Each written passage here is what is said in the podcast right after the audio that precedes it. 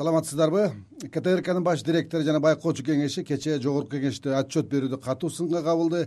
Ктркнын коомдук боло албай жатышына эмне кедерги болууда? Бийлик кийлигишип жатабы? Мыйзамды күчөтүү керекпи? Же жетекчиликтин байкоочу органдын алсыздыгыбы деги чыныгы коомдук телеканалга жетишүү үчүн эмне кылуу керек? Жана башка ушул сыяктуу суроолорду бүгүнкү арай көз чарай берүүбүздө талкууламакчыбыз. Талкууга жогорку кеңештин депутаты шадык э, шернияз ктркнын байкоочу кеңешинин төрагасы жыпар жекшеев жана байкоочу кеңештин мурдагы төрагасы абдысаттаров катышмакчы. Бизге э, депутат э, садык шернияз мырза телефондон кошулган атат анда биз э, садык мырза менен телефондон кошулгуча биз сөзүбүздү баштай берсек э, жапар мырза айтсаңыз мына кечээ депутаттар эң негизгиси ктрк мыйзамда көрсөтүлгөн калыстык балансты сактоо принциптерин аткара албай жатат. Чуулгандуу иштерде бир тараптуу маалыматтарды берүүдө байкоочу кеңеш башын катып отурат деген бир катуу сын айтылды да. Бул сынды сиз кандай кабыл алдыңыз? Мында чындыгы барбы? Байкоочу кеңештин орду э, кандай деп ойлойсуз эми э, байкоочу кеңешти кандай сындаса дагы бул депутаттардын өзүлөрүнө коелу алардын укугу. Э, бирок башын катып жатат деген сөзгө мен такыр кошула албайм. Анткени биз башыбызды кимден катабыз? Башкы директордон катабызбы? Же бизди баягы башкарып турган ак үйдөгү ушул бизге э, көзөмөлдөп турган орган барбы мындай? Президенттин аппараты же жогорку кеңештин аппараты дегендей андай жок да. Биз деген кандай маселе болбосун ошону ачык баардык тараптын катышуусу менен талкуулайбыз да бизге көп кайрылуулар келет көп арыздар түшөт. Ошолордун баарын көздөштүрүп туруп мындай жарым жартылай булуң бурчтан ушак айыңдарга такыр мындай чекит койгонбуз да. Себеби мен адеп барып шайланып келгенде эле ар кандай бири бирин жамандаган ушакчылар баягы мындай интригалар башталып баратат да. Анан мен бир принципти кармадым да катуу бир дагы мындай жөнөкөй мындай бурчтан сүйлөшүп пикир алышмай жок арызыңар менен расмий түрдө кайрыласыңар расмий түрдө ошону чечим кабыл алабыз деп ошону кармап келдик да бир жыл бою. Э, жапар агай мына ошол кечээ э, парламентте сөз болбодубу айтылуу чуулгандуу окуялар белизгейт же болбосо тиги маевскийдин окуясы же болбосо башка оппозициялык лидерлерге байланыштуу чуулгандуу окуяларда э, ктркдан бир тараптуу маалыматтар кетти деп ошол убагында деле айтылган. Ошол маселе байкоочу кеңештин бир жыйынында каралып бир талкууланып бир чаралар көрүлдүбү деген албетте талкууланган да бизге ошондой нааразылык каттар да келген да. Анан биз талкуулаганда мындай болуп чыкты. Бизде көрсөтүлгөн берүүлөрдүн баары расмий булактардан алынган да. Ал мына ушул суроону мисалы э, сот жагына же болбосо жана прокуратурага тиешелүү органдарга берсе туура болмок да биз деген өзүбүздүн оюбуздан эчтекени чыгара албайбыз. Баарын тең далилдеп беришти да бизге менеджментчи. Жалаң расмий э, булактардын берген маалыматын гана көрсөтүп эч кандай комментарий берген эмес экинчи тараптан ага немеде турган бир маалымат бербесе аны көрсөтө албайт да туурабы. Анан ошон үчүн баягы нааразычылыктар э, мындай мыйзам ченемдүү көрүнүш да бул. Азыр биз анда садык шернияз мырза менен э, байланышалы. Алло саламатсызбы садык мырза саламатчылык саламатчылык. Мына кечээ парламент депутаттары ктркнын жетекчилигин байкоочу кеңешти катуу сындадыңыздар. Өзгөчө ата мекен фракциясы катуу активдүү болдуңуздар. Бул сиздердин э, нааразычылыктарды мындай жалпылаштырып келгенде ктркга коюлуп аткан кененин өзөгү эмнеде болуп атат мына азыр эле сүйлөп атканда урматтуу жапар жекшеевичтин акыркы сөзүн угуп калдым да ооба. расмий булактардан алынган деп ошол эле расмий болуп парламенттин ата мекен партиясы менен какшап атты да. Биздин өзүбүздүн оюбуз бар. Бизге убакыт бергиле. Биз да сүйлөйбүз анткени мунун баары жалган калп десе ана эмне үчүн көрсөтпөдү ктр ал дагы расмий булак да. Эгер жогорку кеңеш расмий булак болбосо анда кайсы дагы мекеме расмий булак боло алат? Мунун баары болбогон сөз болуп атпайбы бул биз жыйынтыкты карашыбыз керек да. Сотко кайрылалы прокурорго карайлы деген бул тиги илим карипбековдун айткан сөзүн дагы кайталап жатканына мен таңмын да.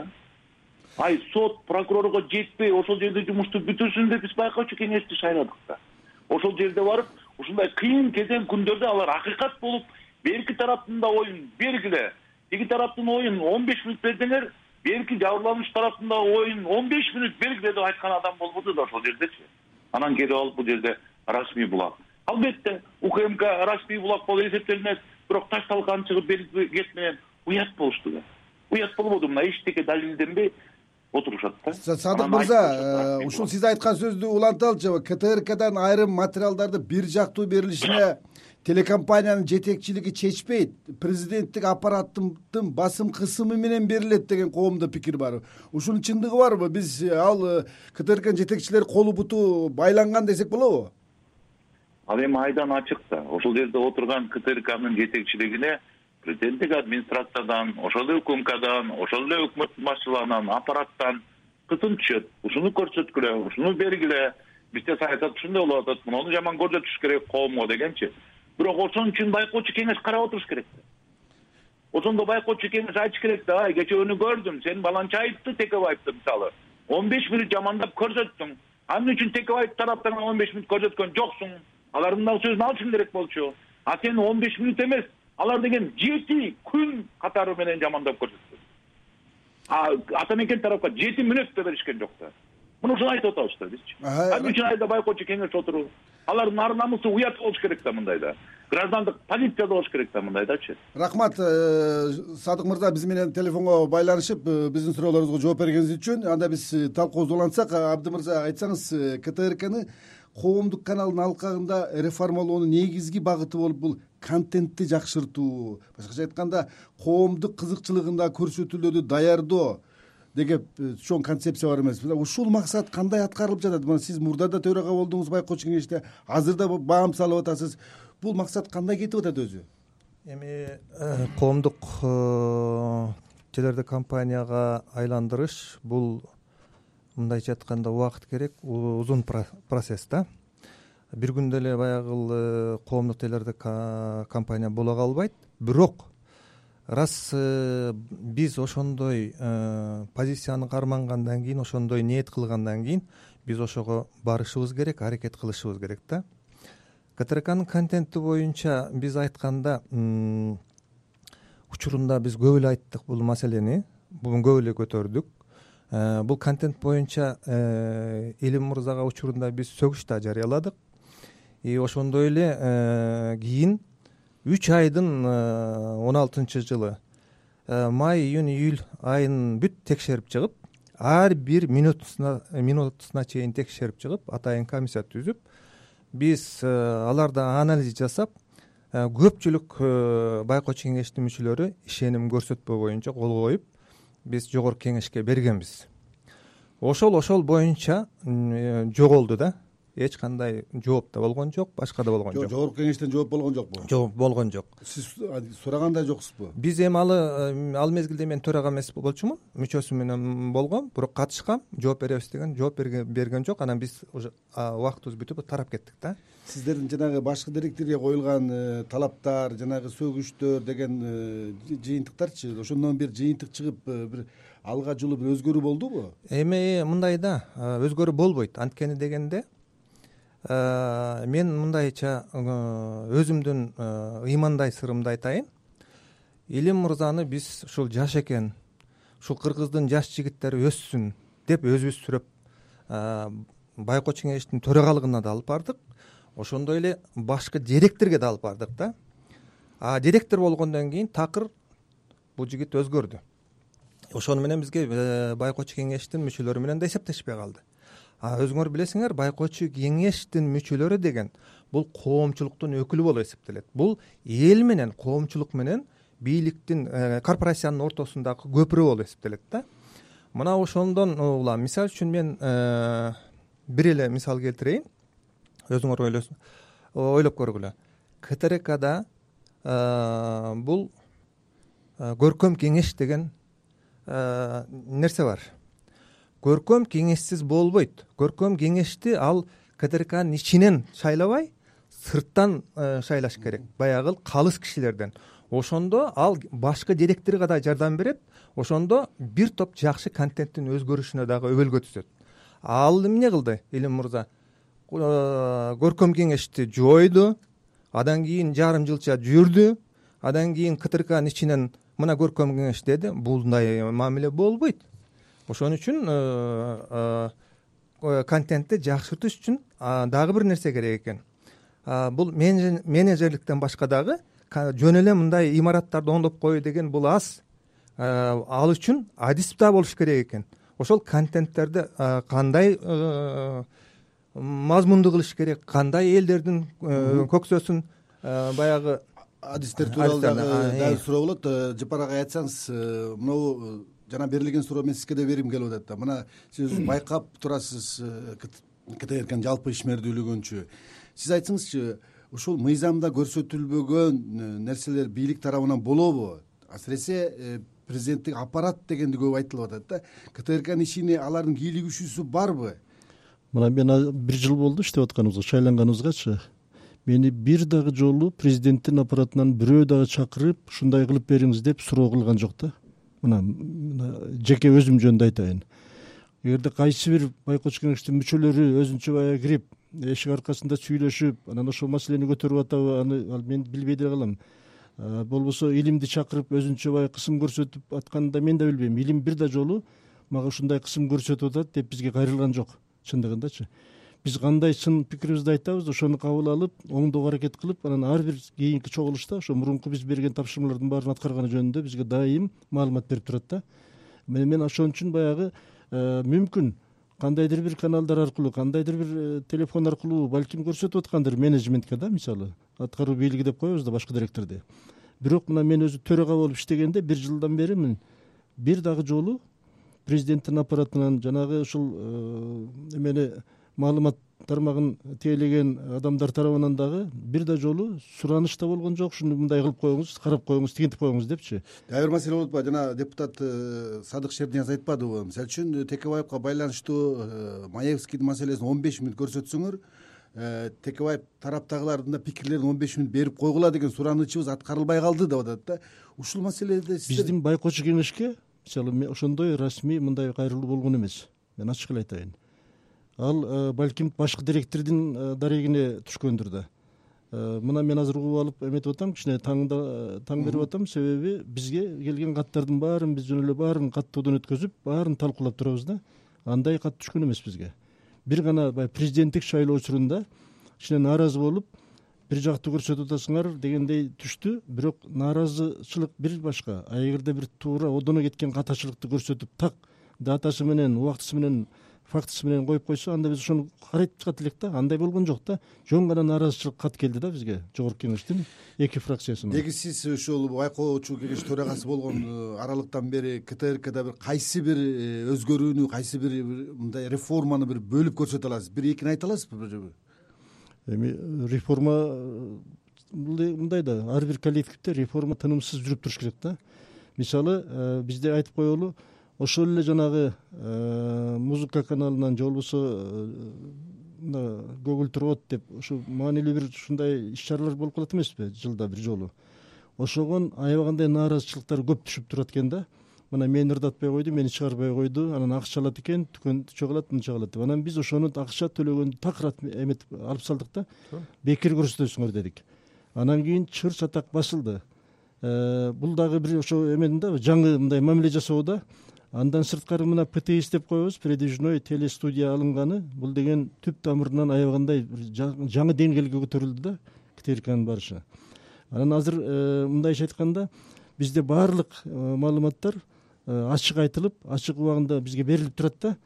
Анан коллектив менен жолукканда дагы биз көйгөйлөрүн угуп туруп кайсы маселе чечилбей аткан эмне көйгөйлүү маселелер бар ушулардын баарын түздөн түз эметип анан биз ай сайын чыгып байкоочу кеңештин атынан түздөн түз эфирден мына улам бирөөбүз э, ирети менен чыгып эл менен байланыш түзөбүз дагы ошолордун айткан э, сөздөрүн э, сунуштарын сөзсүз түрдө чогулушка келип талкуулайбыз да. Ушундай болуп атат депчи. Дагы бир маселе абды агай айтсаңыз ктркнын башкы директору илим карипбеков кечээ айтты ушу парламентте ктркнын өз алдынча болушу үчүн мыйзамга өзгөртүүлөрдү киргизиш керек деп айтты да. Азыркы мыйзамдар ктркнын өз алдынча болушуна мындай шарт түзө албайбы? Андай эмелер жокпу жоболор эми бул шылтоо айта берсе боло берет. Мыйзам жетиштүү. Мисалы үчүн э, мен бир эле мисал келтирейин. Бүгүнкү күндө мына биздин президентибиз биринчи приоритет берип коррупция боюнча күрөш боюнча э, маселени коюп атат да. Көрүп атасыңар.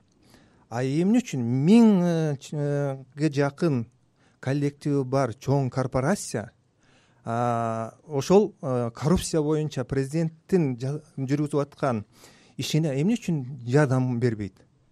Мисалы үчүн айтайын. Эмне үчүн антикоррупция сыяктуу бир өзүнчө рубрика ачып туруп ошол коррупция өзү алдынча э, демилге көтөрүп ошол программаларды жасабайт? Мисалы үчүн мына азаттык эле радиосун карап көргүлө да. Бир эле журналист мына кыска убакыттын ичинде чоң коррупция боюнча жер коррупциясы боюнча мүрзө коррупциясы боюнча маселелерди көтөрүп атат. А эмне үчүн ушундай программаларды ачканга ошолорду көтөрүп чыкканга болбойт. Ага эмне мыйзам жолтоо болуп атыптырбы бул шылтоо. Значит демек бул программалардын баарын жасай турган кимдер?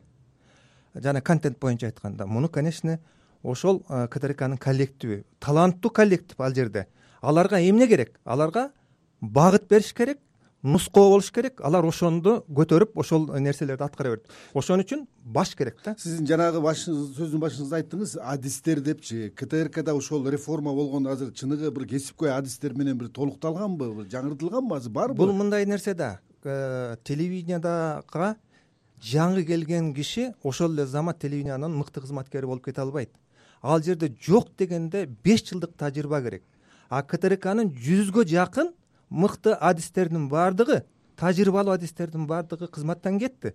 Мисалы үчүн мен бир эле нерсени айтайын. Мисалы үчүн чынара капарова боюнча да бүгүнкү күндөгү эң мыкты э, алып баруучу журналист диктор да. А ошончолук ал эмне кылды? Э, куугунтуктаганга эч кандай бир буга негиз жок. Сот э, коюп атса дагы соттон жеңип барып атса дагы жумушун бербей атпайбы а буну кандай деп түшүнсө болот Э, жапар мырза мына өткөндө бирөө айтат да тиги ктркнын өкмөттөн акча алып жаткандан кийин анын сөзүн сүйлөш керек деген да коомдо пикир бар. Бирок бюджеттен берген акча ошол учурдагы э, президенттин ошол учурдагы өкмөт башчынын чөнтөгүнөн кеткен акча эмес да. Ошол элдин э, чөнтөгүнөн салыктан жыйналган бюджеттен келген акча. Демек коомго ошончолук кызмат кылыш керек эле дейбиз да. Бийликтин э, ктркга болгон басымы ушул э, бюджет акчага эле байланыштуу же дагы башка рычагдары бар деп ойлойсузбу? Кандай деген? Э, мүмкүн башка рычагдар да болушу мүмкүн толук мүмкүн да. Себеби ар бир адамды карап тура албайсың да. Ар бир адам өзү да маалымат айтпайт да чындыгындачы. Баарын эле айта бербейт чечилип мисалы жооптуу жетекчилер деле. Анан мындай да эми бул өзү мына э, ушул экинчи бөлүмдө төртүнчү статья төртүнчү берени мыйзамда алып көрсөкчү э. Бул мамлекеттик мекеме бүтүр анан кийин коомдук статусу бар деп турат да. Көрдүңөрбү ушул жерде эле кандайдыр бир карама каршылыктын бир кичине эмеси кылтыйып көрүнүп турат да. Мамлекеттик мекеме же так мамлекеттик болуп эл болуп иштесек анда түшүнүктүү. Ал деген мамлекеттик саясатты гана даңазалаш керек деп коелу э мындай одон айтканда. А коомдук дегенде биз толугу менен коомдук боло албай атабыз да. Себеби мына чынын айтканда бюджеттин жетимиш пайызы ошо э, республикалык бюджеттен келип бизге э, которулуп атпайбы. Бул деген төрт жүз жетимиш сегиз миллиондон ашык акча. Эми жарым миллиардка чейин да. Анан кийин ал сөзсүз түрдө ар кандай шылтоо менен кээде ошо акча тарабынан дагы эметип калса биздин ушу муктаж болгондорго ушу жетишпейт да. Мисалы ктркнын журналисттери мына Э, айлыктары аз. абдан аз да. Бир он беш миң тегерегинде болуп атат мындай орто эсеп менен алганда болбосо алты миң жети миңден алгандыр аябай көп экен аяктачы болгону эле. Анан эми көпчүлүгү элүүдөн ашык телеканалдар бар да азыр. Анан жакшы мындай профессионал журналисттер кетип калып атпайбы сиз акча деп калдыңыз мына акча жетпейт деп атасыз да. Э, ошол эле учурда мына республиканын эсептөө палатасы эки миң он жетинчи жылдын жыйынтыгы менен ктркда он миллион сомдон ашык Э, каржылык мыйзам бузуулар катталган деп атат. Жанагы көчүп жүрүүчү телестанциянын тегерегинде көп болуп атат. Да демек берген акчаны деле натыйжалуу пайдалана албай жатат десек болобу? Байкоочу кеңештин позициясы эмне болуп атат бул жерде? Бакыт мырза ушул азыркы айткан маалыматым бул деген жөн эле асмандан эле алынып аткан маалымат да. Мисалы жок мен эсептөө палатасынын мен басма сөз кызматынын билдирүүсүнөн алдым азыр. Мен мен кечээ ошо эсеп палатасынын жетекчиси менен сүйлөштүм. Алар текшерип атышат. Текшерип аяктап бүтө элек бирок азыркы күнгө чейин ушундай факт барбы дедим да биз отчет бергенде ачык айталы. Ушундай бир мындай мыйзамды бузуу барбы десем жок андай азыр эч кандай факт колубузда жок деди. Аягында эгерде болсо баягы бүткөндөн кийин айта алабыз. Азыр айта албайбыз деп койду да. Бул расмий жооп да мен. Расмий суроо бердим ага себеби отчет бере бердин астындачы. Анан ал бул кайдан алып атат? Азыр эми жанагы социалдык түйүндөрдө ар кандай маалыматтар чыгып атат? жетекчиси бир айым мырза э, айымдын немесинен алдым. Мен сизге көрсөтсөм деп бир нерсе кошумча айтайынбы мисалы үчүн биз текшерген учурда продакшн деген өзүнчө менчик студиялардын ондого жакын менимче ошондой программалар бар экен баардыгында реклама. Болгону дагы чоң рекламалар. Ар бир минутуна чейин биз казып текшерип чыктык. Андан ктркга бир тыйын да түшпөйт экен. Ал акчалар кайда кетти? Мен илим мырзага өзүнө айткам учуру келет аны сурай турган. Ал деген бюджеттин эсебинен кетип атат. Бул бир.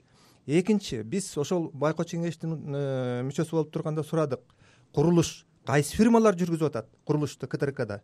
Э, кандай тендер болдубу канча миллион курулушка кетти. Бизге берген жок. Булардын баары ачык болуш керек да. Убактыбыз аяктап баратат э, жапар мырза айтсаңыз неге мен жыйынтыктап айтканда ктркны накта чыныгы бир коомдук болуш үчүн эмне жетишпей атат парламент тараптанбы мыйзам тарабынанбы же байкоочу кеңешке бир полномочия керекпи? Дагы эмне керек кандай принциптер кандай саясат болуш керек? мындай да мисалы э, борбордук азияда бул жалгыз гана ушул коомдук статусу бар биздики корпорацияда. Анан эгерде өнүккөн мамлекеттердин тажрыйбасын алып көрө турган болсок европадагы ушундай коомдук ушундай телеканалдар бар да. Ал жерде мамлекеттен бюджет бөлүнбөйт.